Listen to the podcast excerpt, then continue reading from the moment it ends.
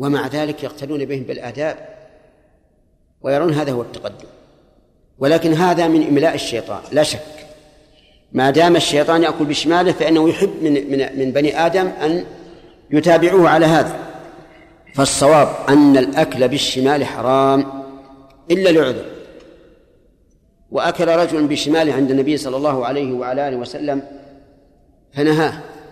وقال كل بيمينك. قال لا أستطيع. يعني لا يستطيع نفسيا لأنه ما منعه إلا الكبر والعياذ بالله. فقال النبي صلى الله عليه وعلى آله وسلم لا استطعت. فما رفع الرجل يمينه إلى فمه أبدا. لأن الله أجاب دعاء النبي صلى الله عليه وسلم لأنه بحق. وهذا نوع من التعزير غريب. أن يعزر الإنسان بأن يدعى عليه بما يشبه معصيته. لأن التعزير التأديب بأي نوع كان. إذن القول الراجح إيش؟ أنه يحرم الأكل بالشمال والشرب بالشمال ويجب أن يأكل باليمين ويشرب باليمين. فإن قال قائل إذا كان الإنسان يأكل طعاما وأراد أن يشرب إذا أخذ باليمين إذا أخذ باليمين تلوث الإناء بالطعام. وهذا ربما يكرهه غيره أن يشرب به. أو يوجب أن النساء يغسلن هذا الإناء. فهل هذا يبيح للإنسان أن يشرب بالشمال؟ الجواب لا. لأن المحرم لا يباح إلا للضرورة. وهذا ليس ليس بضرورة. يستطيع الإنسان أن يمسك هذا الإناء من أسفل. يمسكه من أسفل إن كان كبير يضع على الراحة ويشرب. وإن كان كأسا فهو سهل لأن الكأس يمكن السبابة والإبهام تحيط به فيمسكه من الأسفل ويشرب. على أنها في الوقت الحاضر يسر الله أمر وزالت هذه العلة نهائيا. بإيش؟ نعم. بكوس البلاستيك. ما تحتاج. هذا الكاس ما يشرب غيرك. خلوا يتلوث لأنه يرمى به في الزبل. لكن هذا كله من وحي الشيطان يتحجج به بعض الناس. نعم. بثلاث أصابع. نعم. بثلاث أصابع يعني ينبغي أن يأكل الطعام بثلاثة أصابع. الإبهام والوسطى والسبابة. هذا إذا أمكن. لكن إذا كان لا يمكن الرز يمكن ثلاثة أصابع؟ نعم. صعب. إلا عند الصينيين. الصينيين يأكلون بعودان الله أكبر. إذا الأكل بثلاث أصابع حيث أمكن. وإذا لم يمكن فبما يمكن. وجاءت السنة بذلك لأن الأكل بالأصابع كلها يدل على الشرع والجشع لا سيما إذا كان معه أحد العجب أن بعض الناس استنبط من هذا النص أنه ينبغي أن يأكل اللحم بالشوكة وغير اللحم بالملعقة ليش؟ قال لأنه يمسك الشوكة ثلاثة أصابع والملعقة ثلاثة أصابع سبحان الله يعني أن ما يضرنا يا جماعة بالوقت الحاضر إلا الأفهام الخاطئة. الأفهام الخاطئة. هل يقال هذا أكل بالأصابع ولا بالشوكة؟ بالشوكة وبالملعقة. والعلماء رحمهم الله مع قولهم إنه يأكل ثلاثة أصابع قالوا لا بأس بالأكل بالملعقة. شوف لا بأس.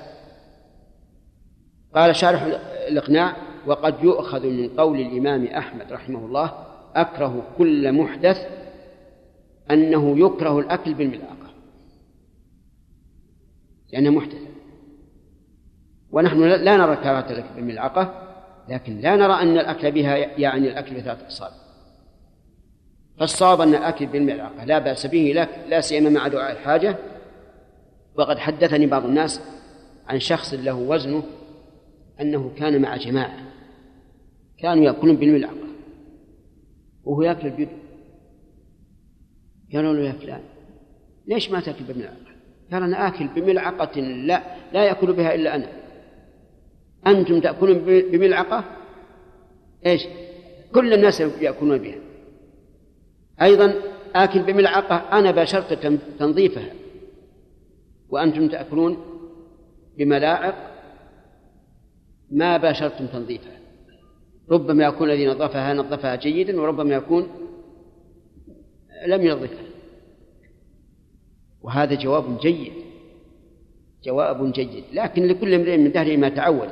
نحن لا لا نستطيع أن ننكر الأكل بالملعقة لكننا لا نقول إنه هو السنة لأنه أكل بذات الأصابع. نعم. وليمة العرس من السنة والثلاثه أيام كما فعل النبي صلى الله عليه وسلم زواجه الصفيه نعم. لا الوليمة غير مسألة الدفع. نعم.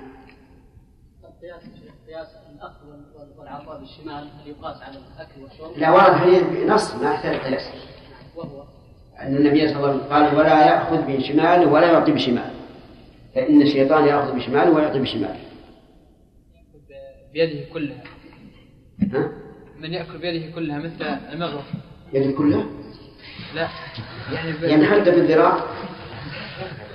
لا تكفي كلها يعني مثل المغرفة إيه. ثم يعجن الر- الرز هكذا إيه؟ ثم يأكله. ما لا بأس به. الرز يحتاج إنك كما قلت إلى عجن.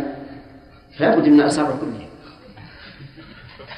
شيخ بارك الله فيكم. من ياخذ بالشمال ثم يضع على اليمين يأخذ الكاس مثلا بشماله ويضع على ظهر اليمين.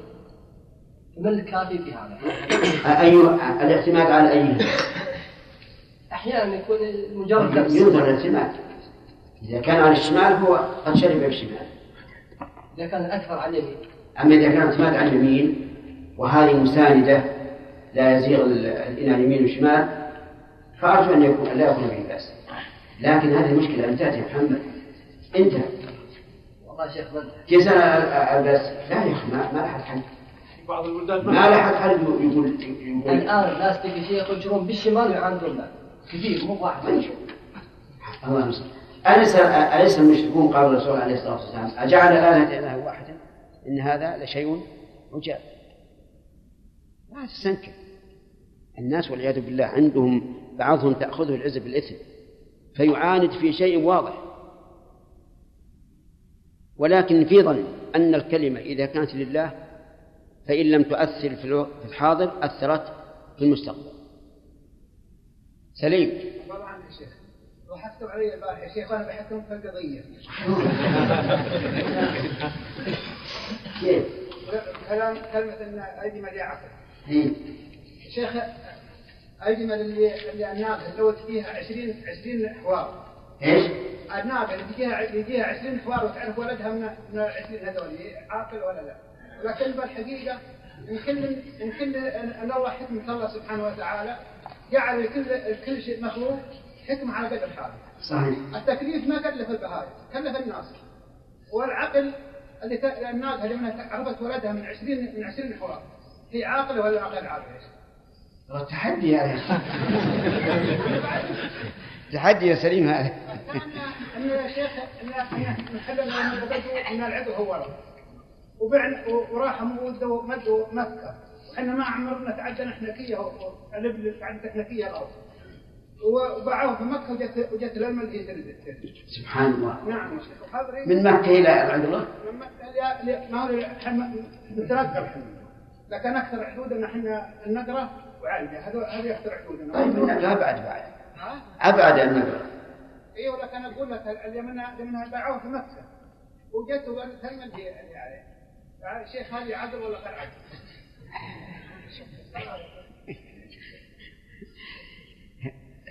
طيب أجل هي عاقلة. تجب عليها الصلوات الخمس.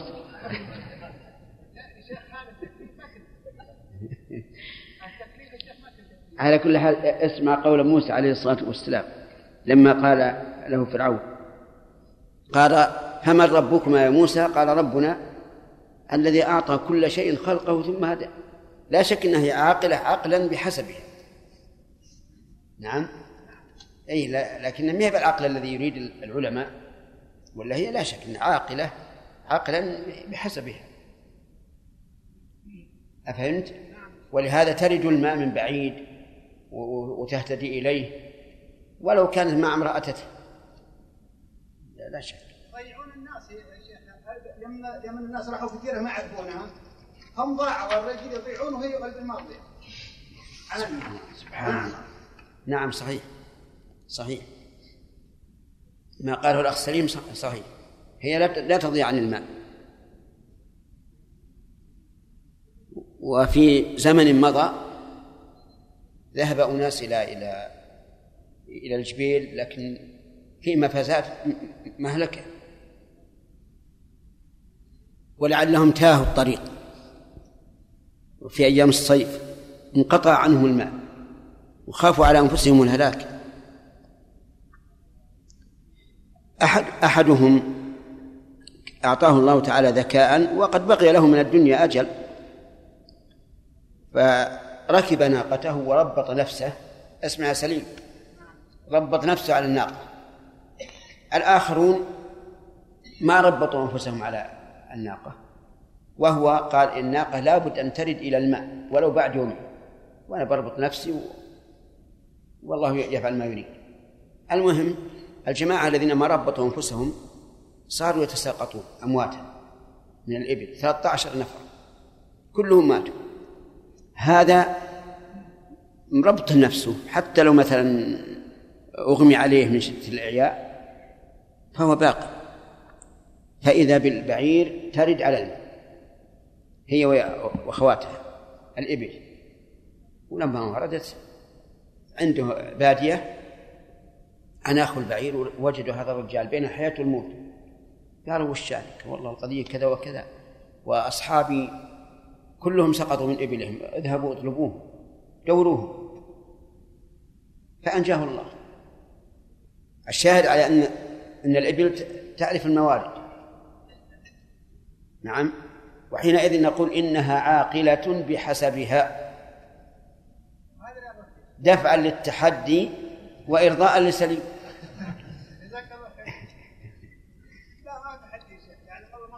لا لا لا لا ما بتحدي لكن بيان الواقع. لكن الانسان ما يرضى على نفسه يعني لا لا ما يرضى وأنت صاحب إبل ولا ترضى أن الإبل قال فيها شيء. نعم. مثل ما فعل النبي عليه الصلاة والسلام في في غزوة الحديبية لما أن ناقته بركت ويريد أن يوجهها لمكة وتأبى. فقالوا خلأت القصوى يعني حرنت فقال النبي صلى الله عليه وعلى آله وسلم والله ما خلأت القصوى ولكن حبسها حابس الفيل. شفتها عنه حبسها حابس الفيل. ثم جرى الصلح. بناء على بروك هذه البعير.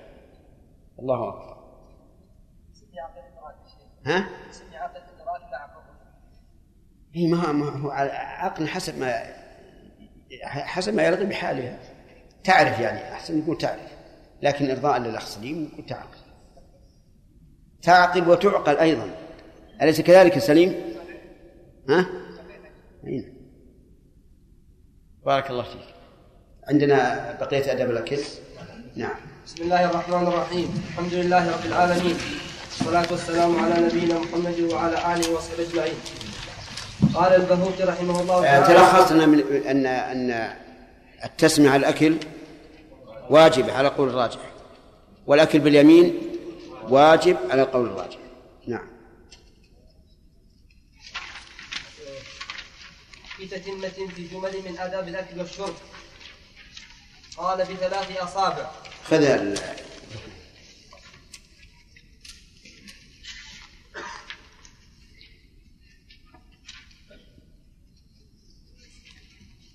بثلاث أصابع. وتقليد ما علق بأسنانه سبقنا التعليق على قول بثلاث أصابع. وأن هذا؟ إيش؟ فيما يمكن. نعم. وتقليد ما علق بأسنانه. يعني هذا من السنة أن يخلل ما علق بأسنانه لأن بقاء هذا بين الأسنان يضر بالأسنان وباللثة وربما يحدث به رائحة كريهة ودفع المؤذي من الأمور المسنونة. نعم. ومسح الصحفة. نعم. هذا أيضا مما جاءت به السنة. يعني تمسحه عن بقية الطعام. فتلعق وتلعق أصابعك أيضا. قال النبي صلى الله عليه وعلى آله وسلم فإنكم لا تدرون في أي طعامكم البركة. نعم. وأكل ما تناثر. نعم. أكل ما تناثر سنة أيضا. لكن بعد إزالة ما فيه من أذى. يعني مثل لو سقطت تمرة أو قطعة من الطعام في الأرض فخذها. وامسح ما بها من أذى ثم كلها. قال النبي صلى الله عليه وسلم ولا تدعها للشيطان. وهذا يدل على أن الشيطان يأكل ما تناثر إذا لم يؤكل. أما إذا كان لا يمكن أكل ما تناثر فإنه لا يمكن. نعم. وغض طرفه عن جليسه. هذه أيضا من الآداب. أن نغض طرفه عن جليسه. جليسه الذي يأكل معه. لا تقعد تنظر مثلا وش أخذ هذا؟ أخذ الحمى أخذ قرعه أخذ كذا. نعم. ثم تراقب يده من حين ما يأخذ الشيء لين يضع في فمه. هذا ليس من الأدب. بل غض الطرف. لأن الناس كلهم ينتقدون هذا. نعم. وشربه ثلاثا مصا. نعم. يسن أن يشرب بثلاثة أنفاس قال النبي صلى الله عليه وسلم فإنه أهنأ وأبرأ وأمرأ. في ثلاث فوائد. ثلاث أنفاس وينبغي أن يكون ذلك مصا. لا جرعا. وذلك لأن الماء لا يشرب إلا عند الحاجة إليه. متى؟ إذا عطش الإنسان. والعطش التهاب المعدة. وحرارتها. فإذا جاءها الماء جرعا فإنه يؤثر عليها لأنه يصطدم البارد بالحار. فإذا صار مصا صار الذي ينزل خفيفا يسيرا ويكتسب حرارة من المري من الفم إلى المعدة فيرد على المعدة وهو ساخن مناسب لها. ويكون ثلاثا لأنه كما قال النبي صلى الله عليه وعلى آله وسلم أهنأ وأبرأ وأمرأ.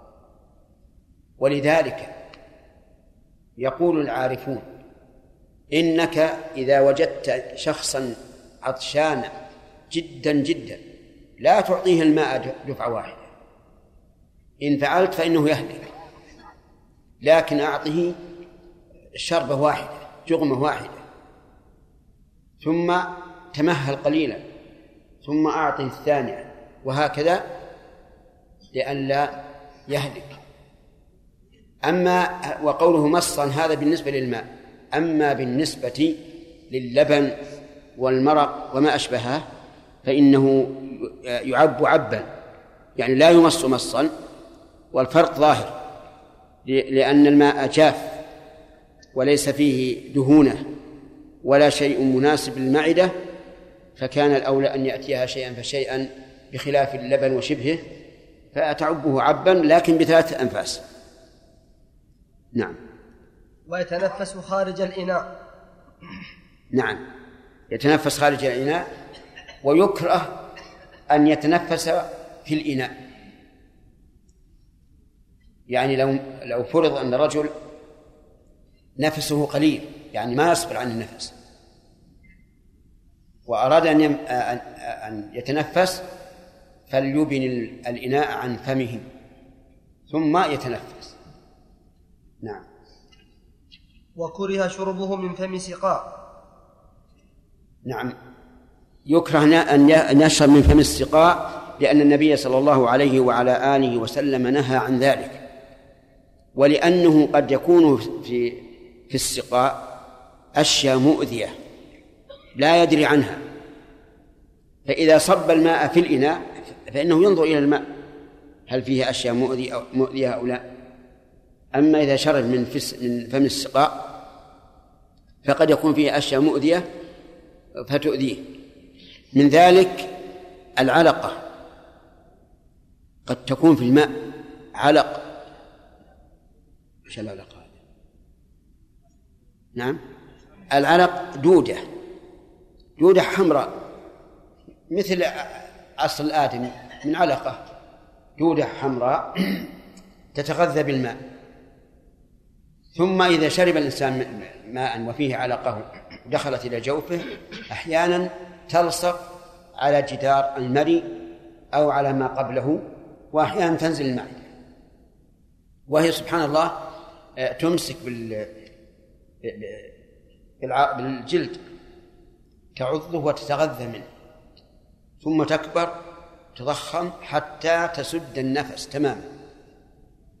ولهذا أحيانا يهلكون إذا إذا دخلت العلقة وتشبثت بجدران المري انتفخت وكبرت وضيقت على النفس. ولها علاج أنواع كثيرة من العلاج. من جملة ما ذكر لنا أن يشرب الإنسان دخان. ما ذكر لنا أن يشرب الإنسان دخان تعرفون الدخان؟ نعم تعرفه يا يحيى؟ ها؟ ما هو؟ كما يفعلون الناس الآن أي نعم السجارة يقولون إن أنها إذا شربت سجارة فرائحتها ودخانه يضيق على هذه العلقة وتخرج لكن هذا أحيانا ولا قد جرب ولم ينفع وأحيانا يدخلون عليها مخيط يبطونها حتى تنفجر. لهم طرق فيها. ما أدري عن بالحديث الآن وش يستعملون فيها ما أدري. لكن على كل حال أنه ربما يكون هناك علقة في نفس السقاء وإذا شربت من فمه دخلت في في في جوفك. نعم. وفي أثناء طعام بلا عادة. أيضا يكره الشرب في أثناء الطعام بلا عادة. فإن كان الإنسان يعتاد هذا فلا بأس. قال بعضهم ويكره أيضا بعد الطعام مباشرة. بلا عادة. وقوله بلا عادة يفهم منه أن المسألة ترجع إلى ناحية طبية. قالوا لأن الشرب في أثناء الطعام يفسد الطعام. وتزول به منفعة الطعام. وكذلك إذا شرب مباشرة. فإذا كان قد اعتاد هذا فإنه لا يضر. وقال بعضهم أيضا أنه إذا شرب في أثناء الطعام يحصل منه الكباد. الكباد يعني إن, إن المعدة يكون لا يشتبك الطعام بعضه مع بعض. ويحس الإنسان كأنها كأنها سقاء يترجرج لكن إذا كان هناك عادة فالعادات لها طبائع ثانية. العادات طبائع ثانية. كثير من الناس لا يهمه يشرب في أثناء الطعام بعد الطعام مباشرة بعد الطعام بمدة لا يهم معتاد. ثم إذا كان الطعام حارا والماء باردا صار هناك أيضا مضرة من جهة أخرى وهي ورود البارد على الحار. وتعرفون أن الحار يوجب التمدد تمدد العروق والجلد. فإذا جاء البارد تقلص بسرعة وصار فيه خطر. نعم. وإذا شرب ناوله الأيمن. نعم. إذا شرب ناوله الأيمن اقتداء بالنبي صلى الله عليه وعلى آله وسلم. هذا إذا كان الإناء واحدا أما إذا كان كل واحد يعطى بإناء فالأمر واضح. لكن بمن يبدأ؟ لو دخل الساقي فبمن يبدأ؟ بالذي على يمينه أول ما يدخل ولا بالذي أمامه؟ نقول يبدأ بالأكبر كما جاءت بذلك السنة. وليس يبدأ بمن على يمينه من عند الباب. وقد جاءت السنة بذلك. وبه نعرف أن ما يفعله بعض الناس الآن إذا دخل مسك المجلس من أول واحد على اليمين إلى آخر واحد على اليسار. أن هذا ليس من السنة. لا من جهة المرور بالناس ومصافحتهم ولا من جهة أنه يبدأ باليمين الذي عند الباب وهو أصغر القوم. أما الأول فمن المعروف أن النبي صلى الله عليه وعلى آله وسلم إذا دخل جلس حيث ينتهي به المجلس ولا يمر على الناس يسلم عليه. وأما الثاني فلأن النبي صلى الله عليه وعلى آله وسلم كان معه مسواك يتسوق به فأراد أن يناوله الأيسر فقيل فقيل له كبر فأعطاه الأكبر أعطاه الأكبر. وعلى هذا فإذا كان الإنسان مقبلا على الناس يبدأ بالأكبر أما إذا كان بيده إناء وأراد أن يناوله فيبدأ باليمين. طيب إذا كان على يمينه واحد وأمامه واحد وعلى يساره واحد من يعطي؟ الأيمن. يعطي الأيمن. نعم. ويسن غسل يديه قبل طعام متقدما به ربه وبعده متأخرا به ربه. يسن أيضا أن يغسل يديه قبل الطعام. وهذه المسألة مختلف فيها. هل من السنة أن يغسل يديه قبل الطعام مطلقا أو إذا كان هناك حاجة؟ الظاهر التفصيل. إذا كان هناك حاجة فغسل يديك. من الحاجة أن تكون قد لمست شيئا من قبل تتلوث به اليد أو كثر سلام الناس عليك وأحسست بيدك رائحة من لمس الناس. فهنا الأفضل أن تغسل يديك وإلا فلا حاجة. وقول متقدما به ربه يعني معناه إن, إن الذي يقدم التغسيل اليد هو رب البيت. وأما في الآخر فيكون متأخرا يكون هو آخر الناس. يغسل يديه. وهذه راجعة إلى العرف والمروءة. وفي وقتنا الحاضر رب البيت غالبا لا يشارك الناس في الأكل معهم. نعم. وكره رد شيء من فمه إلى الإناء. أي معلومة يعني إنسان مثلا أخذ له خبزة وأكل منها كذا بفمه. وبعدين رده وحطه في إلى الخبز. هذا خلاف المروءة. وهذا يكره الطعام إلى الناس. والإنسان ينبغي له أن يتعامل معاملة طيبة. أما إذا كانت تمرة أو لقمة فهي عجيب. أشد. أشد وأشد. بعد ما دخل فم فمه التمرة أخذها أخرجه وجعله في الإناء هذا أشد. طيب ومن ذلك أيضا أن يأخذ اللحم بياكلها وجدها قاسية. قال إذا حطها ردها في في الإناء. ماذا نقول له؟ نقول هذا مكروه خلاف المروءة. وتأدب مع الناس بأدب رفيع. نعم. وأكله حارا.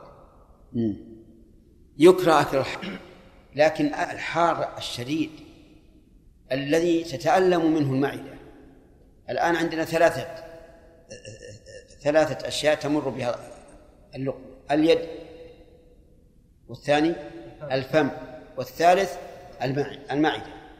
اليد تحس بالحار أكثر لأنها لم تتعود على الحار. أحيانا يكون حار باليد ولكن دخل على طول في فمه. الفم ما يتأثر كثيرا إلا بحرارة شديدة. بعض الناس إذا صار حرارة شديدة ينزل للمعدة. نعم؟ من يد قوي القوي يقول خلاص إذا وصلت تدبر نفسه هذا غلط. لأن هذا يوجب أن تنصهر المعدة ويحدث بها قرحة. والحمد لله انتظر. انتظر حتى يبرد. ولهذا أرى أن صاحب البيت إذا ظن أن الجماعة سوف يأكلون حار ولا بارد أن يصبر عليهم حتى يبرد الطعام ويقول تعال تفضل لئلا يضرهم وهم لا يشعرون. نعم. أو من وسط الصحفة. نعم. كذلك يكره أن يأكل من وسط من وسط الصحفة لأن النبي صلى الله عليه وعلى آله وسلم نهى عن ذلك وقال إن البركة تنزل في أعلاها عندك في أعلى ولا من؟ آه، أو أو إيش؟ أو من وسط الصحفة أو أعلاها نعم. أو إيش؟ في الحديث شيخ إذا أكل طعاما فلا يأكل من أعلى الصحفة ولكن من أسفله. إيه. نعم. وش اللي عندي اقرأ اللي عندي عبارة الروض أو من وسط الصحفة أو أعلاها. إيه. يعني أعلاها إذا كانت يعني عالية. والغالب أن الأعلى هو هو الأوسط. وإن كان سواء كما يكون في صحون الرز فلا يكون من الوسط. وفعله ما يستقدر ما يستقدره منه غير ما يستقدره من غيره. نعم. هذه مهمة جدا. يكره أن يفعل ما يستقدره من غيره. يعني معناه لو فعل غيرك هذا رأيته قدرا لا تفعله أنت.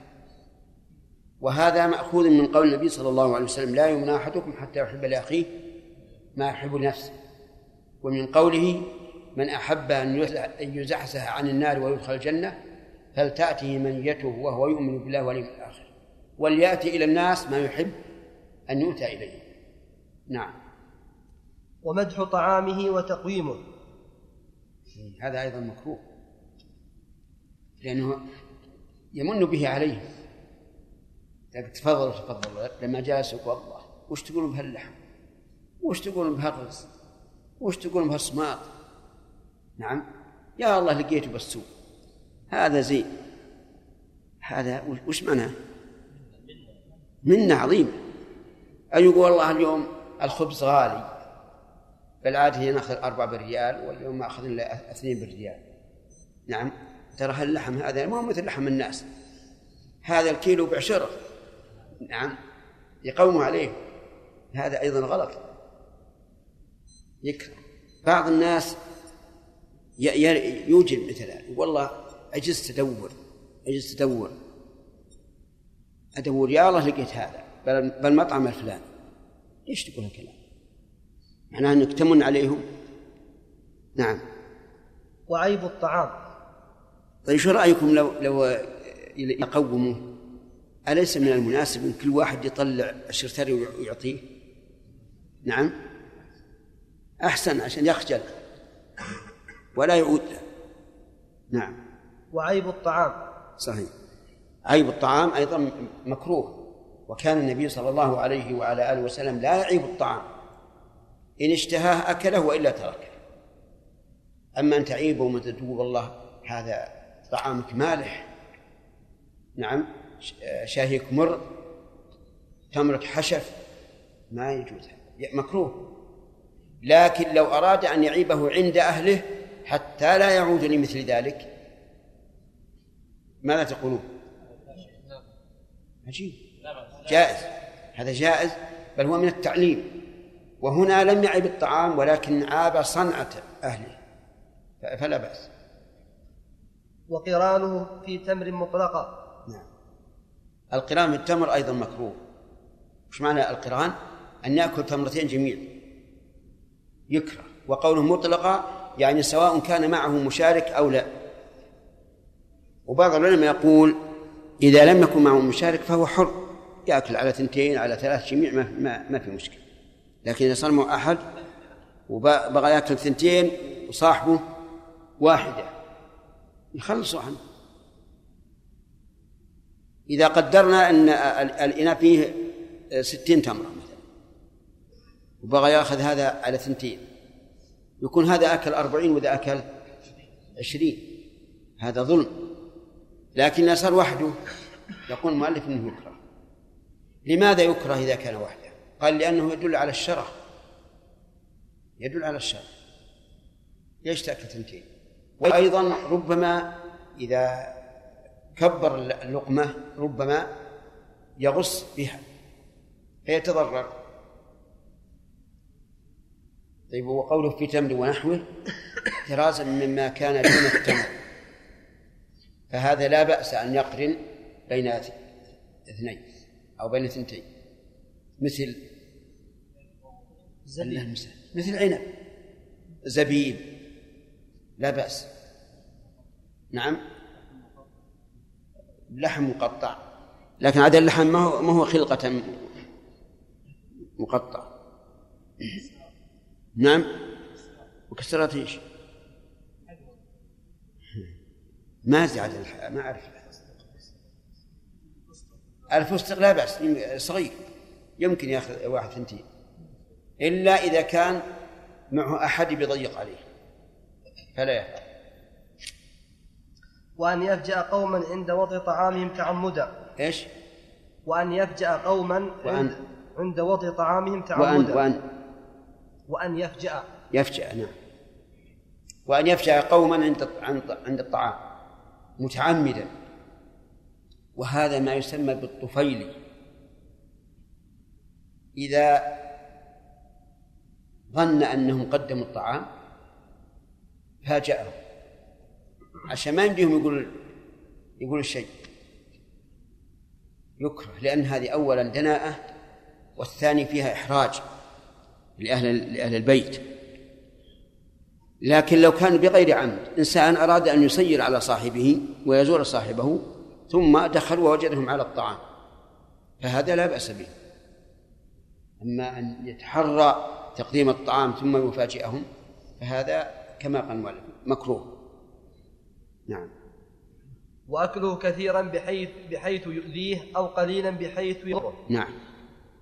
أكله كثيرا بحيث يؤذيه. يكره. وعلامة الأذى أنه يضيق النفس ويتعب عند القيام وعند الاضطجاع وما أشبه ذلك. هذا يقول المؤلف أنه مكروه.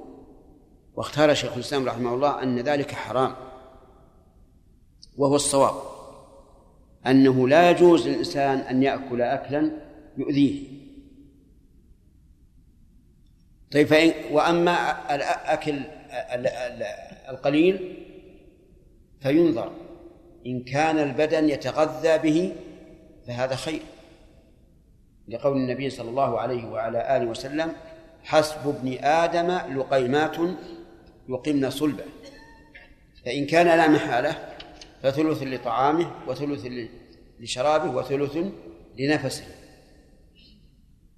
وكونك تأكل قليلا ثم تعود إلى الأكل قريبا أحسن من كونك تأكل كثيرا ثم تتأخر في في العودة إلى الأكل. ولهذا نسمع عن بعض الأمم أنهم يأكلون قليلا. ثم يرجع إلى الأكل عن قرب. فتجده يأكل في اليوم والليلة خمس مرات. ويقول هذا أصح للبدن. وما هذا ببعيد؟ لأن الحديث يدل عليه. حسب ابن آدم لقيمات يقمن صلبة فإن كان لا محالة يعني لابد فأثلاث. ثلث لطعامه وثلث لشرابه وثلث لنفسه. لأنه إذا صار قليلا صار المعدة هضمه بسرعة وبسهولة ما يشق على المعدة. وإذا هضمت طلبت طعاما كل ما يضر. كل قليلا ثم ارجع إلى إلى قريبا إلى الطعام. لكن أكثر الناس ما يقدر. إذا قعد على إذا جلس على الطعام لابد يملأ البطن. ما يستطيع. هذا أحيانا لا بأس به. لا بأس انك إنك تملأ البطن حتى لا تجد مكانا للطعام. كما جاء ذلك في حديث أبي هريرة رضي الله عنه. أبو هريرة كان فقيرا وكان صاحب النبي صلى الله عليه وسلم على شبع بطنه. في يوم من الأيام خرج خرج الناس من المسجد. وجعل رضي الله عنه يلاقي الرجل يقول وش اللي بعد الآية الفلانية؟ وش اللي بعد الآية الفلانية؟ الآن وش اللي بعدها وهو ما يريد هذا. يقول أقول هذا لعله يقول ادخل معي للبيت. لكن ما ما أحد قال شيء. يقول حتى خرج أبو القاسم صلى الله عليه وسلم. فلما رآني تبسم تبسم. لأنه عرف أنه فيها الجوع. يسقط إذا قام. قال له امشي يقول فذهبت معه فجيء إليه بقدح من لبن. قدح من لبن. هو هو على كل حال يبي يفرح قدح لبن يسد جوعته. فقال لي ادعو أهل الصف. ادعو أهل الصف. يبي يسقيه من اللبن. سبحان الله ادعو. إذا جاء الصف وش يبقى لي أنا؟ ولكني رأيت أنه لا بد لي من إحلال أمر النبي صلى الله عليه وسلم. فذهب ودعا أهل الصفة وكانوا أحيانا يبلغون ثمانين رجلا. جاءوا وشربوا. شربوا كلهم من هذا الإناء. سبحان الله. وبقي بقي وكان أبو هريرة هو الذي يسقيهم. فقال اشرب اشرب أبا هريرة اشرب وشرب. قال اشرب وشرب. قال اشرب وشرب. حتى ما ما وجد مكان للبن في بطنه. قال والله يا رسول الله لا أجد له مسار فأخذ العلماء من هذا أنه يجوز للإنسان أن يملأ بطنه من الطعام لكن أحيانا. شو أنظر البركة. هذا الإناء كفى أهل الصفة وكفى أبو هريرة وبقي بقية. وكان رضي الله عنه يقول إن الناس يقولون لي أبا هريرة. وإن النبي صلى الله عليه وعلى آله وسلم سماني أبا هر. وين أحسن؟ أبا هر أبا هر لأنه مكبر.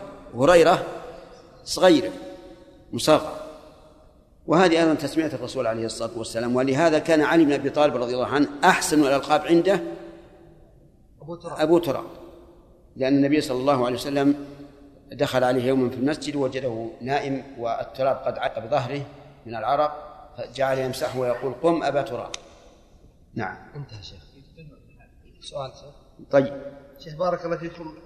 يكره مدح الطعام وتقويم وتقويمه. نعم. لكن بعض الناس يبالغ في تزييد الطعام. يجي مثلا ذبيحة أو ذبيحتين ربما ألف ريال وتكلف ثم يقول ما, ما سوينا لكم شيء وسامحونا على القصور وما ما زينا شيء. لا هذا مو بتقويم. أي قصدي العكس. هذا اعتذار. لكن تقويم والله يا جماعة شريت الشاة هذه بألف ريال والثاني بألف ريال واليدان بمئتين ريال والصماط بخمسين ريال يقضي يقوم عليهم كأنهم زبن يبشرون لكن العكس إيه. ذبيحتين هم ثلاثة أو أربعة. عاد هذا من باب الإسراف. هذا ينبغي أنهم ينهونه عن هذا وينصحونه. كمل. ذبيحه انتهى. انتهى نعم. حاشا ها؟ حاشي فيها شيء؟ ها؟ فيها شيء؟ عندك؟ طيب. ها؟ إيش؟ اي نكمل عشان ما بعد ما نقرأه مرة ثانية. نعم. طيب شيخ يقول وكره نفض يده في القصعة. نعم. صحيح. هذا يكره لأنه يقدره على الناس. بعض الناس الآن إذا كان يأكل الرز ثم أكل اللقمة نفض يده هكذا. هكذا. بال- بالإناء. هذا مكروه. حتى لو قال أنا أنفضها بحافتي أنا يعني مما يليني. قلنا نعم لكن هذا رز يمكن ينتشر إلى إلى إلى الذي يلي جاره. وأن يقدم إليها رأسه عند وضع اللقمة في فمه إيش؟ إيش؟ وأن يقدم إليها رأسه عند وضع اللقمة في فمه أي. هذا أيضا مكروه لأنه دناءة. مثلا الصحن هكذا ثم يأخذ اللقمة. هذا مكروه. لأن ما بقى يأكل يأكل من الصحف. أي نعم.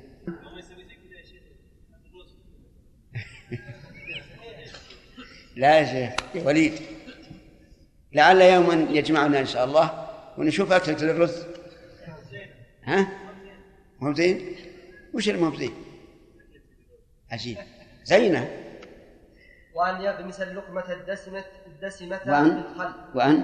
وأن يغمس اللقمة الدسمة في الخل. نعم. الخل هو عبارة عن ماء. موضع فيه زبيب أو تمر أو ما أشبه ذلك ليحليه. فإذا وضع فيه اللق- اللقمة الدسمة تلطخ بالدسم فأفسده على الناس. أو الخل في الدسم. وكذلك نفس الشيء. فقد يكره غيره. نعم. وينبغي أن يحول وجهه عند السؤال والعطاس عن الطعام أو يبعد عنه. أو أو يبعد عنه. هذا في محمد الوصية والفضيلة آه، في مسألة الخل. لو قدرنا أن الخل يعطى كل إنسان كأسه وحده وغمس فيه الخبز وفيه دسم فهنا لا يكره لأنه لا لن يفسده على أحد. ومثل الشاهي أيضا تغمس فيها الخبز المدهون فيظهر أثر الدهن على الشاهي لا بأس. لأن كل واحد يشرب بإناء خاص. فإذا قال قائل المؤلف رحمه الله جزم بال- بالكراهة في هذه الأمور فهل في كل واحد منها سنة خصوصة؟ فالجواب لا نعلم. ولكن هنا شيء عام يدل على كراهة هذه الأشياء. الشيء العام قول النبي صلى الله عليه وسلم إن مما أدرك الناس من كلام النبوة الأولى إذا لم تستحي فاصنع ما شئت. هذه واحدة. ثانيا قول النبي صلى الله عليه وعلى آله وسلم الإيمان بضع وسبعون شعبة أعلاها قول لا إله إلا الله وأدناها إماطة الأذى عن الطريق والحياء شعبة من الإيمان. وكل ما يخالف المروءة فهو مخالف للح- للحياء. نعم. إيه كمل عشان ما نعود. وينبغي أن يحول وجهه عند السؤال والعطاس عن الطعام أو يبعد عنه. أو السعال يعني الكحة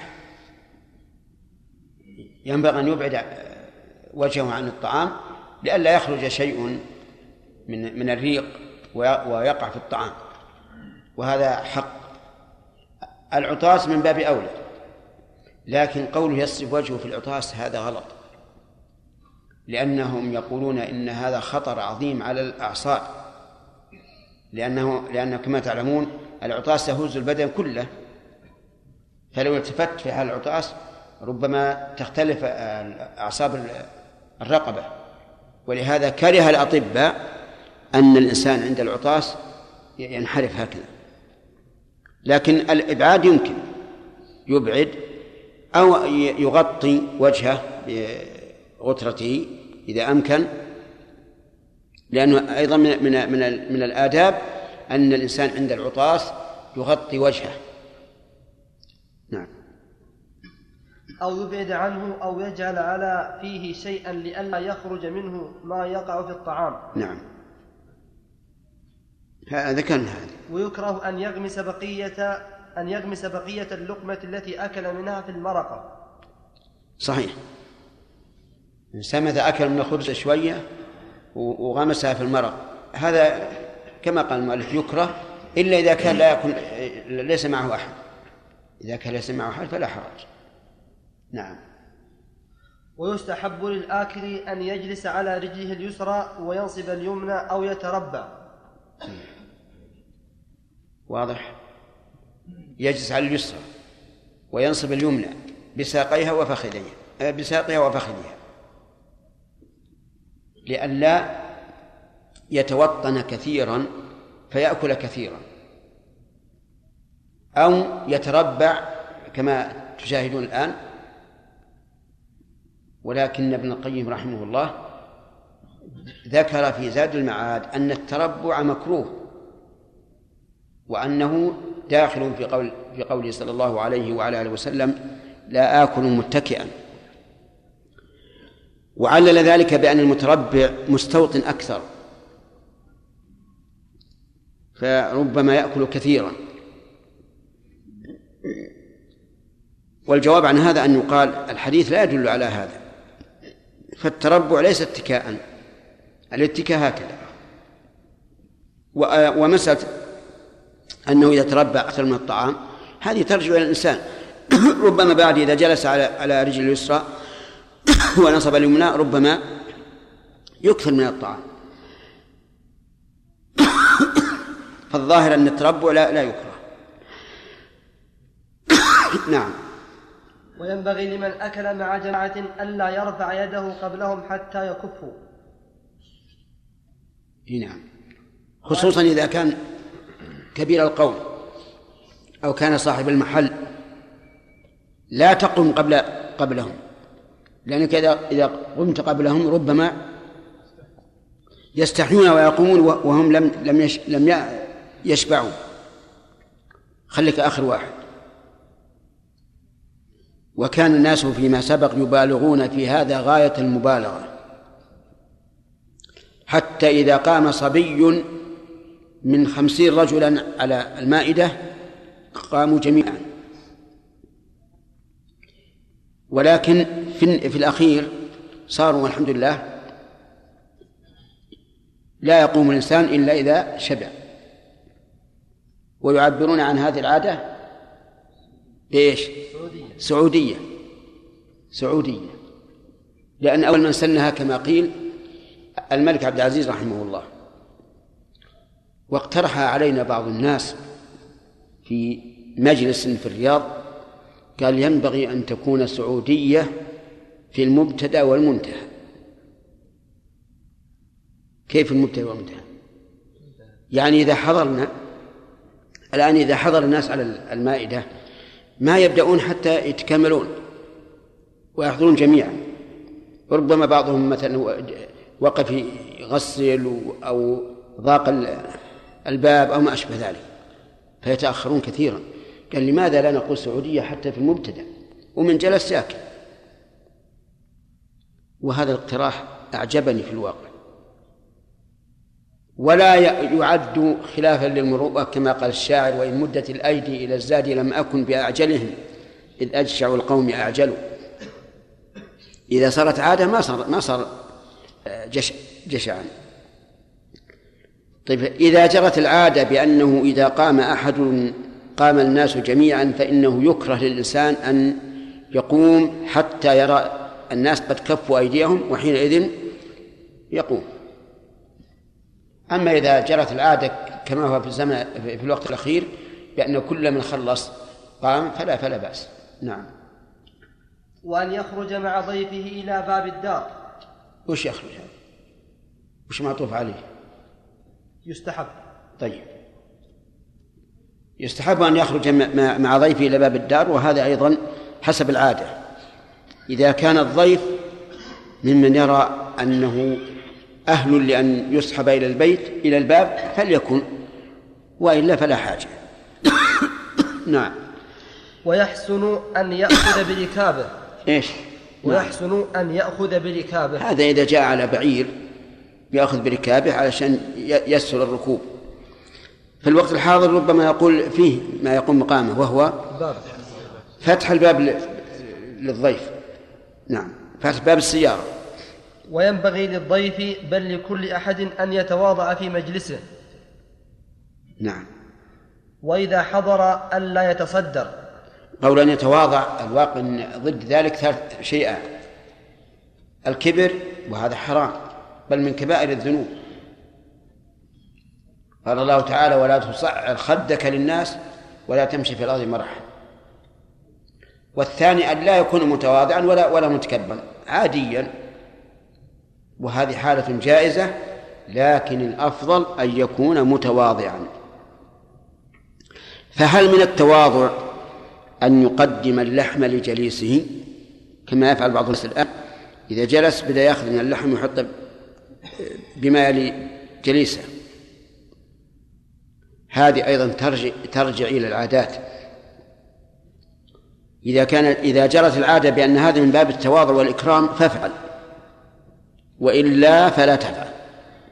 وكذلك لو قال لك جليسك كف عن هذا أنا بنفسي آخذ اللحم.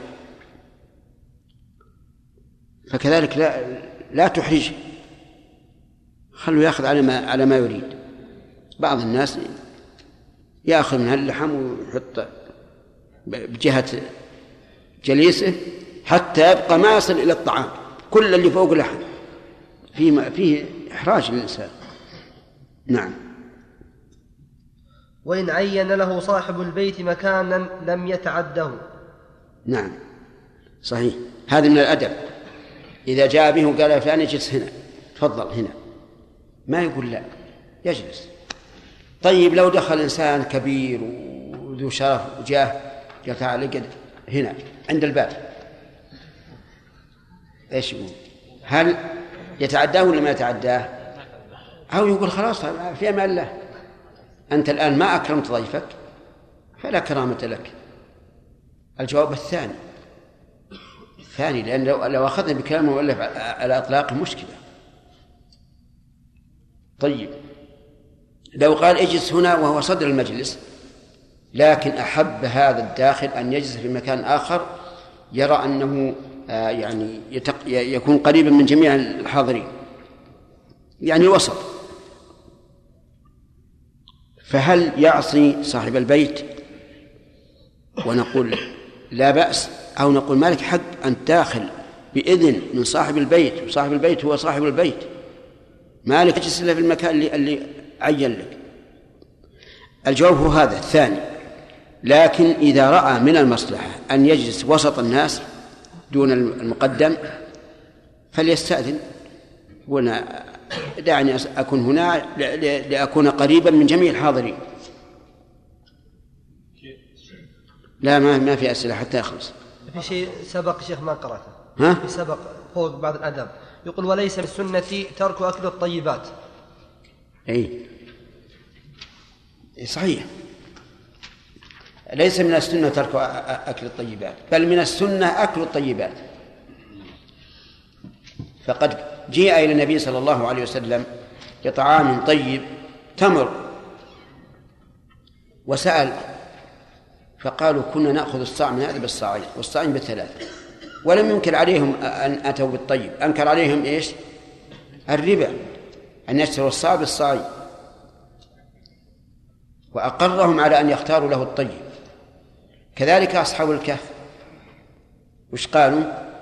ابعثوا أحدكم بورقكم هذه إلى المدينة. إيش؟ فلينظر أيها أزكى طعاما.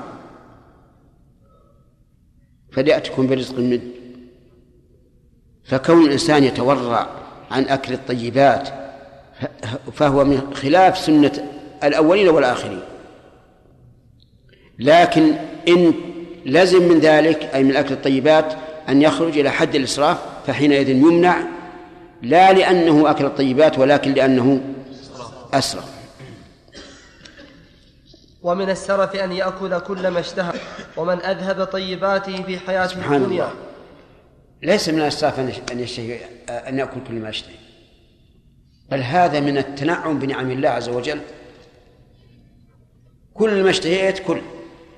أليس لا نعم لو كان لو اختار أشياء غالية جدا لا تليق بمثله صحيح. أما إنسان قادر اليوم يشتهي رز وغدا يشتهي خبز وغدا اليوم يشتهي لحم ضأن وغدا لحم دجاج ليش ما يأكل؟ في هذا نظر كلام المؤلف هذا فيه نظر. نعم. ومن أذهب طيباته في حياته الدنيا واستمتع بها نقصت درجاته في الآخرة للأخبار. نعم صحيح. إذا تلهى بطيبات الدنيا عن أعمال الآخرة فلا شك أنها ضرر ضرر عظيم. خلاص؟ شيخ بعض العلماء أخذ من حديث أبي هريرة أنه يسن إذا الضيف قام أنه؟ أنه يسن إذا الضيف قام عن الطعام. للضيف. إذا الضيف قام عن الطعام يعني. انتهى وقام. أنت تقول له يعني ما أكلت كل زود كذا يعني. فهل هذا يسن من مم. هذا لا بأس به. يعني قد يكون هذا من باب من باب الإكرام. لكن قول الرسول لأبي هريرة اشرب. قصد من باب من باب الرأفة به لأنه كان جائعا. لكن لا بأس إن من باب الإكرام تقول يعني كل. إنما لا لا تكله بعض الناس يلزم مرة يتعب الإنسان. تعطيه مثلا ثلاث فناجيل شاهي وتقول خلاص يقول يشرب بالرابع اشرب. يا رجل خلصت. قال اشرب. هو هو مر هو بارد هو حار. قال لا قال اشرب. نعم. قال شرب على إغماض فأراد أن يقول اشرب ثانية. الأكل لا يشتهي الشرب. قد يكون من الناس الذين إذا شربوا آه، كثيرا آه، حصل عليهم مضايقة في في البول أو ما أشبه ذلك. فأنت يا أخي إذا أردت الإكرام أكرمه بما يشتهي. أكرم أخاك بما يشتهي. نعم عبد الحميد. شيخ بارك الله فيك. بالنسبة الآن عندنا في الرز يعني يصعب على الإنسان أن يكرم الصحن لأنه تكون الأكلة كثيرة. أن إيش؟ أن, أن يكرم الصحن يعني يلعق الصحن نعم نعم. فتزيد يعني يعني تكون بقية. ما ما يستطيع الإنسان أن يحتفظ بها لأنه حتى إذا احتفظ بها ما يأكلها الغد. فكيف يرميها أو لا ما يتصدق بها على أحد. ما يستطيع. ما في الآن الجيران حتى الإنسان اللي في حاجة ما تستطيع تعطيه بقية من الرز. أرى أنه أولا أصلا يقدر ما ما ما يكفيه فقط. هذه واحدة. الثاني إذا قدر أنه قد دعا أناسا ولم يحضروا وهذه تقع كثيرا. فالباقي ينشره في, في, السطح. ينشره في السطح إما أن تأتي الطيور وتأكله أو ييبس وهو بنفسه يخرج به إلى مكان وينثر الطيور نعم عبد الرحمن. شيخ أحسن الله إليك. المصنف يقول ليس من السنة ترك أكل الطيبات يعني تزهدا. وثانيا قال من أظهر طيباته في حياته الدنيا واستمتع بها نقصت درجاته نعم. شيخ كأن فيه تناقض. لا لا ما في تناقض. المراد إذا كانت الطيبات تلهيه عن عن عن أعمال الآخرة أما إذا كان عادي فلا فلا بأس. آدم. الآن الاتكاء عند الأكل يعني منهي عنه نعم. لا لا مو منهي عنه لكن قول الرسول لا آكل متكئا يدل على عدم الرغبة فيه. نعم. هل المراد يعني أن هو الكثرة يعتمد أن يكثر من الأكل أو المراد عموما لا هو أولا الاتكاء فيه نوع من الكبرياء. كون الإنسان يتكي وهو يأكل فيه نوع من الكبرياء ما قدر النعمة. ثانيا يقولون إنه ربما يحصل شرق لأن الطعام إذا نزل مع المري صار ينزل على جانب فيحصل الشرق. نعم. بعض المستدل بقوله تعالى فإذا طعمتم فانتشروا. نعم. أنه إذا أكل الطعام ينبغي أن ينصرف نعم. هذا يقول إن بعض الناس قال ينبغي لك إذا انتهيت من الطعام أن تنصرف. لقوله تعالى فإذا اطعمتم فانتشروا. أقول اقرأ آخر الآية. ولا مستأنسين لحديث إن ذلكم كان يؤذي النبي فيستحي منكم. هذه العلة. مع أن الأفضل أن الإنسان إذا خلص من الطعام يمشي. لأنه قد يكون لصاحب البيت حاجة إما أهله يجون يأكلون الطعام البقية أو أو غير ذلك. بل الذي أرى أن الأولى أن يخفف الإنسان الجلوس عند الناس حتى في القهوة العادية. ما لم يجد رغبة في البقاء. لأنه إذا إذا قام سريعا حفظ أوقاته. وصار خفيفا على الناس. والناس لهم أشغال ما تدري الإنسان. كونك تخفف هذا هو الأولى وكان هذا هو دأب شيخنا عبد الرحمن بن سعدي رحمه الله. يعني نصف ساعة ساعة إلا ربع بالكثير. نعم فهذا هو الأولى. إلا إذا رأيت مصلحة أو رغبة من الحاضرين في البقاء فلا بأس. تبقى. يلا يا سليم. والله أنت شيخ. مر علينا أن أن الجليس أن الضيف يوم صاروا على مائدة ما ما أحد ينبط أحد قبل يوم الناس جوعة يا شيخ. وكان الصبيان بعضهم ما ما هو قليل منهم. يمسك عن محله يأخذ مالك مول البنتين ويمسكهم. ولما خويه أكل نصف نصف الصحن وتعدى على نصف هذا مسكه ذا قال قال ما هذا ما هو له. ثم رد رده لاهل البيت من اول الطعام قليل اي لك وشلون هذا؟ يخلي ما الصبي يحمله يتحجر يعني الطعام هو قليل اي نعم والناس يقدمون الضيف على على الصبيان، الصبيان يروحون لما شافوا الطعام قاموا يصيحون. لأن ما عندهم طعام يأكلون. اي الموجود هذا هم عطوا الضيف. نعم. بعض الأحيان يقدمون للضيف طعام ما في البيت غيره اي وللأسف هذا بعض الناس مو قليل منهم إيش؟ بعض الناس مو قليل من الناس. يمسك عن محله لما صار سمع صياح الصبيان مسك مسك عن شنقه أخذ لقمة وقف يعني توقع. إي نعم. خويه لمن أكل نصف نصف الصحن وبغى هذا يتعدى على نصف خويه مسك يده خويه هذا هذا ما له. إي. لكن خويه ما شبع من نصف الصحن. لا ما شبه لكن خويه مسك خويه لكن هذا يبي للصبيان اللي يصير من من باب الإيثار يعني. أي من باب الإيثار. جوع جوع الله. نعم. الله يعافينا أقول جزاه الله خير. له الحق أن يقول أنا وياك اشرك في هذا الصحن. أنت كلت نصيبك خل نصيبي أنا بيوثر والصبيان هذا اللي يقصدون يا شيخ. لا لا ما قصد المؤلف ما قصد هذا. المؤلف قصد بعض الناس إذا جلس قام يناظر الناس وش أكلوا وكيف يأكلون ويشخص بهم. هذا ما هو صحيح. ما انتهى الوقت؟ باقي دقيقة. كيف تقول انتهى الوقت؟ لا باقي باقي أربع دقائق الآن. نعم. طيب. الأصل في النواهي شيخ. ها؟ هل هي تحمل على الكراهة؟ مثل ما قلت لك إحنا ذكرنا لكم بحديثين. إذا لم تستحي فاصنع ما شئت. لو أن أحدا منكم الآن قام ولبس إزارا ورداء وعمامة وقال أنا أفعل ما فعل النبي صلى الله عليه وسلم إن على العين والرأس فعل النبي. لكن هل جرت العادة بهذا؟ إذن لا, لا تفعل.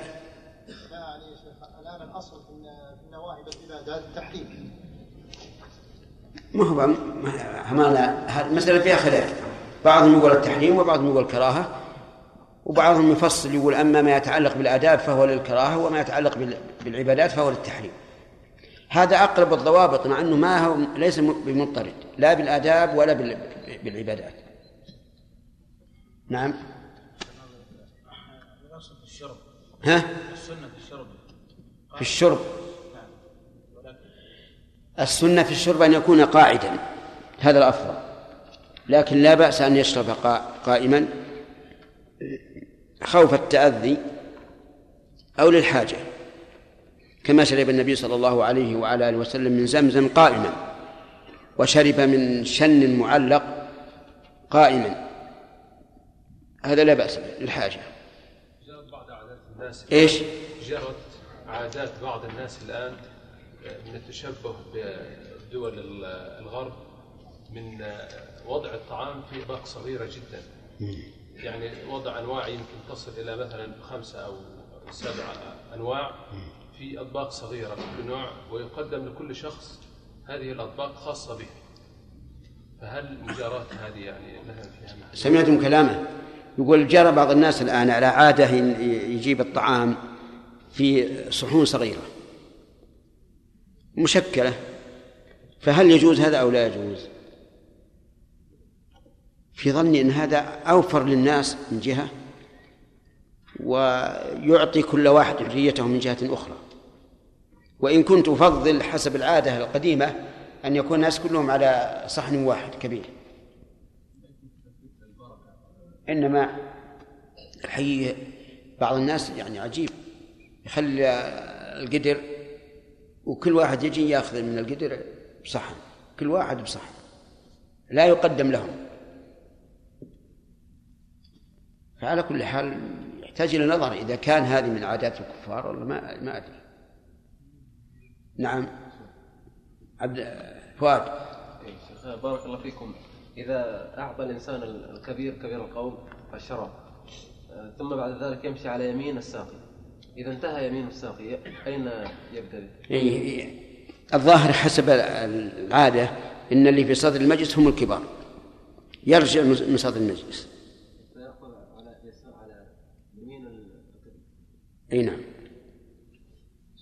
نعم نهار. شيخ أحسن الله عليك جواز ملء البطن من الطعام. يعني يقيد بجوعان ولا بس مطلق؟ لا مطلقا لكن بس إنه ما لم يتأذى. إن تأذى فقد قال الشيخ الإسلام رحمه الله إنه يحرم الأكل خوف الأذى أو التخمة. أ- يحيى؟ يعني شيخ بعض الناس يترك الطيبات ويحتج بفعل بعض السلف. يقول أنا عائشة وهي صائمة تصدق. الطعام كلها. وعبد الرحمن بن عوف لما قدم له طعام بكى وقال واستدل بالآية أذهبت طيباتكم. لا هذه هذه حالات خاصة. حالة خاصة تقول بعض السلف. ولا عبرة بها. العبرة بالكتاب والسنة. لكن بعض الناس يريد أن يمرن نفسه على الخشونة. فيختار هذا. أو يخشى أنه إذا إذا أكل من كل ما يشتهي. أن تجره نفسه إلى شيء أعلى وأعلى فيصل إلى حد الإسراف أو إلى حد التلهي بالطيبات عن عن العبادات. هذه مسائل خاصة. ثم إنه قد ورد يعني كما ذكرت في أشياء أخرى غير هذه عن بعض التابعين رحمهم الله. أشياء هي باجتهاد منهم لا شك لكنها خلاف خلاف السنة. نعم. معروف أن عمر بن الخطاب رضي الله عنه كان له سنة متبعة. ففي أثر أنه رأى أحد الصحابة اشترى حلوى فقال لمن فقال لزوجتي اشتهت ذلك؟ فقال أو كلما اشتهيتم أكلتم. نعم. يعني ألا تؤخذ هذه السنة؟ ما تؤخذ دليلا أن قد يكون الناس في حال خاصة مثل ما كان رضي الله عنه في عام الرمادة كان ما يأكل الإدام إلا إلا خل. هذه قضايا إدام معينة يكون لها أسباب خاصة. وكما قلت لكم آنفا العبرة بالعمومات عمومات الكتاب والسنة. انتهى الوقت. ها؟ فقه؟ طيب. بسم الله الرحمن نعم. سنة. في حق الزوج أو الزوجة أو هم أو هما جميعا؟ لا بحق الزوج. الدليل. قول النبي صلى الله عليه وسلم قول النبي صلى الله عليه وسلم لعبد الرحمن. بن عوف أو ولو ولو بشاة أولم لو بشاة ولا بشاة طيب. والتعليل لأنها من إطهار النكاح. من إظهار النحو النكاح عليه طيب. الإجابة إلى الوليمة وليمة العرس حكمها واجبة بشروط. وهي هذه واحد. وأن يكون الداعي مسلما. نعم. فيحرم هجره. نعم. مسلما يحرم هاجره مم. وعينه. عين من؟ المدعو. تعيين مدعو. طيب. نعم. تعيين المدعو. وليد. إيش؟ ولم يكن ثم منكرا؟ ألا يكون ثم منكر وعلمنا انه صدر عن صدق ولا عن حياء ولا خير طيب. صدق الدعوة. طيب. ما هو الدليل على وجوب إجابة الوليمة؟ الدليل هو قوله عليه الصلاة والسلام ومن لا يجب فقد عصى الله ورسوله. ومن لم يجب فقد عصى الله ورسوله. طيب. إذا علم أن في في مكان الوليمة منكرا يستطيع تغييره. يجب عليه الحضور. ارفع يدك نعم. يجب عليه الحضور. الحضور. طيب. علل. لأمرين. الأمر الأول. لأمرين. الأمر الأول إجابة الدعوة. والأمر الثاني تغيير المنكر. تغير المنكر. أحسنت آه، عجز عن تغييره؟ الأخ اللي وراء. لا يحضر يا شيخ. ها؟ لا يحضر إذا عجز عن تغيير لا إذا كان عن تغييره لا أحد كذا؟ طيب. إذا حضر ثم علم به. إذا كان إذا حضر ثم علم به إن كان يعني يسمعه غيره. يعني يجب أن يزيله فإن عجز. طيب. يا سليم. إن علم به ولم يره ولم يسمع لها يا شيخ يعني يخير. من بين الجلوس وال... و... نعم والخروج. طيب. وهل ينصح أو لا ينصح؟ ينصح يا شيخ على قدر المصلحة تمام. فإن لم يفد فليخرج. طيب. ما معنى النثار فيصل؟ النثار هو أن يلقوا بدراهم أو ما شابهها على الحاضرين؟ نعم. أن يرمي بد- بالدراهم وشبهها على الحاضرين. كذا؟ نعم. حكمه مكروه. لماذا؟ إن كان من يعني من الطعام. فيكره لأمرين. لأن إهانة للطعام. نعم. والأمر الثاني لكراهة النثار نفسه. دناءة يعني. طيب. وإذا كان من غير الطعام غير الطعام فإما أن يكون يعني إسرافا أو آه، يعني من خوارم المروءة نعم. أحسنت. طيب. هل التقسيم على الحاضرين من هذا النوع إبراهيم؟ نعم. تقسيم إي خرج مع حلوى مع أشياء كان يوزعها على الحاضرين. لا ليس من النثار. نعم. ليس من النثار. ليس من النثار. هل جائز ولا غير جائز؟ يجوز. يجوز. وقد يكون أحيانا من باب الإكرام. يلا. عبد الله أظن ها يلا. التقاطه إذا كان من ذوي الوجاهة أنه يكره بالنسبة لهم وإلا إذا كان من ذوي الوجاهة والشرف يكره. لماذا؟ لأنها جناح. طيب. وإذا كان من عامة الناس فلا كراهة فلا كراهة من أين لك هذا التفصيل والمؤلف يقول والتقاطه ولم يفصل. إيه. وكلام المؤلف وش يقول؟ كلام المؤلف عام. عام. أي نعم والراجح كما كما قلت إن في أن في تفصيل.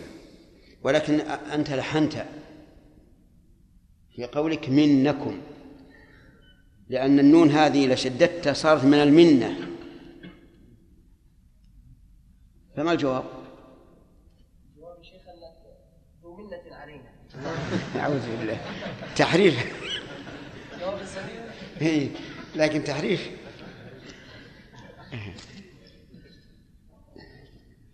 طيب.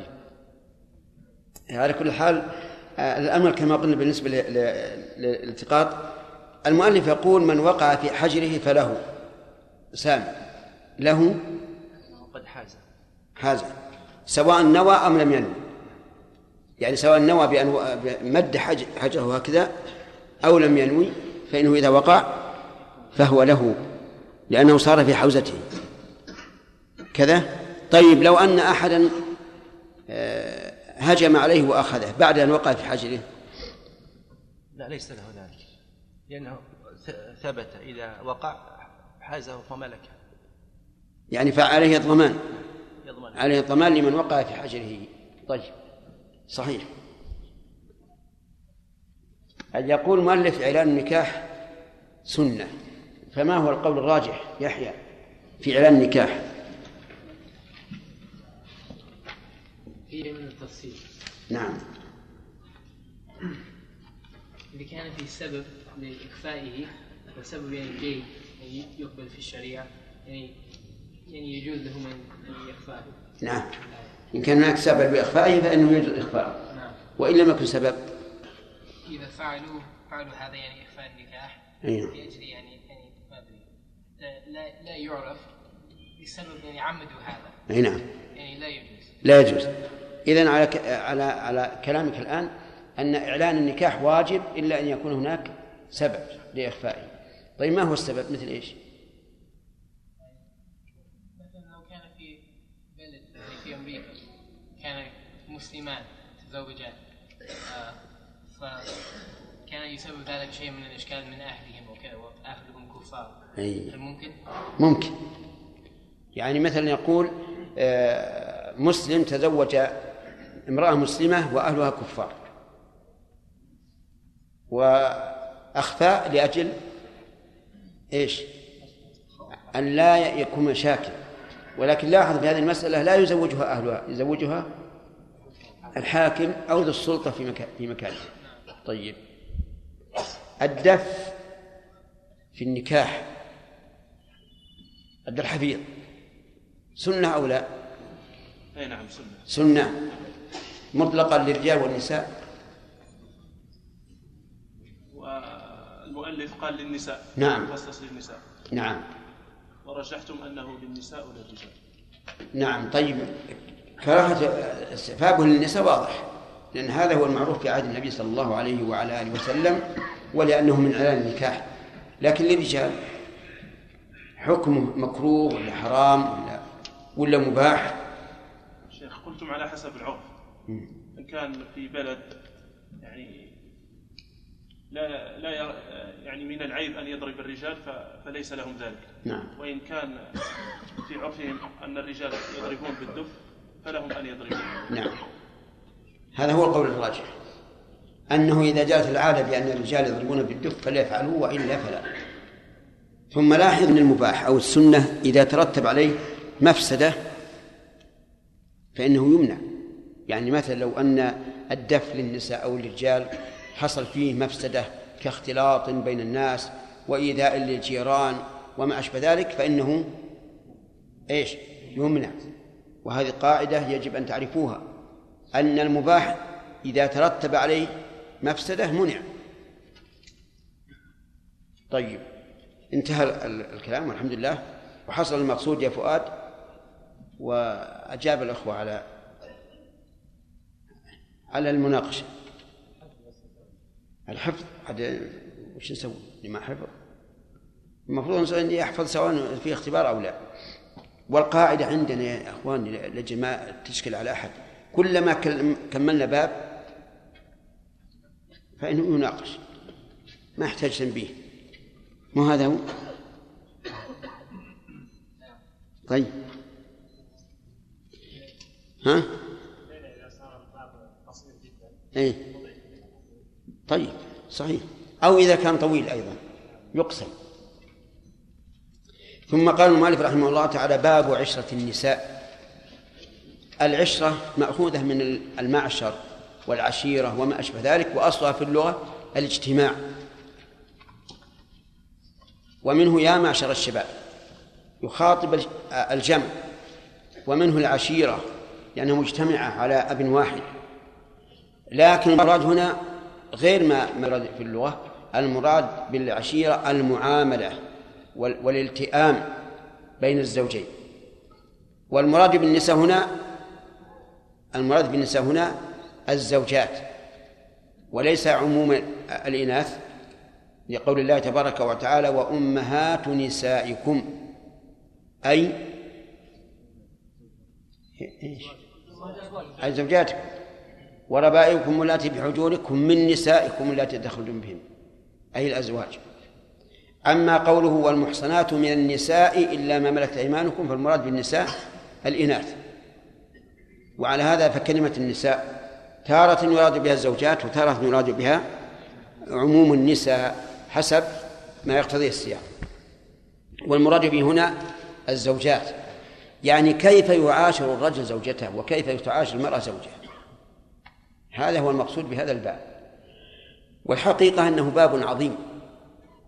تجب العناية به لأن تطبيقه من أخلاق الإسلام ولأن تطبيقه تدوم به المودة بين الزوجين ولأن تطبيقه يحيا به الزوجان حياة سعيدة ولأن تطبيقه سبب لكثرة الولادة لأنه إذا حسنت العشرة بين الزوجين ازدادت المحبة وإذا ازدادت المحبة ازداد الاجتماع على الجماع وبالجماع يكون إيش؟ الأولاد. فالمعاشرة أمرها عظيم. ثم اعلم يا أخي أن معاملتك لزوجتك يجب أن تقدر كأن رجلا زوجا لابنتك. كيف يعاملها؟ هل ترضى أن يعاملها بالجفاء والقسوة وهي ابنتك؟ أجب يا رجل. لا. إذن لا ترضى أن تعامل بنت الناس كما بما لا ترضى أن تعامل به ابنتك. وهذه قاعدة ينبغي أن يعرفها كل إنسان. وقد روى الإمام أحمد في مسنده بإسناد لا يحضرني الآن لكنه سأله رجل عن الزنا. فقال له النبي صلى الله عليه وعلى آله وسلم أترضى أن يزني أحد بأختك؟ أو بنتك أو أمك قال لا. قال كيف ترضى أن تزني ببنت الناس وأم الناس وأخت الناس؟ وهذا مقياس عقلي واضح جدا. فكما أن الإنسان لا يرضى أن تكون ابنته تحت رجل يقصر بحقها ويهينها ويجعلها كالأمة يجلدها جلد العبد. فكذلك يجب أن يعامل زوجته بهذا لا بالصرف. والاستخدام الخارج عن العادة. وعلى الزوجة أيضا أن تعامل زوجها معاملة طيبة أطيب من معاملته لها. لأن الله تعالى قال في كتابه ولهن مثل الذي عليهن بالمعروف كمل. وللرجال عليهن درجة ولأن الله سمى الزوج سيدا. فقال عز وجل في سورة يوسف وألفيا سيدها لدى الباب. ولأن النبي صلى الله عليه وعلى آله وسلم سمى الزوجة أسيرة. فقال اتقوا الله في النساء فإنهن عوان عندكم جمع عانية وهي الأسيرة. فعلى كل حال الواجب أن الإنسان إذا كان يحب أن يحيا حياة سعيدة مطمئنة هادئة أن يعاشر زوجته بالمعروف وكذلك بالنسبة للزوجة مع زوجها. وإلا ضاعت الأمور.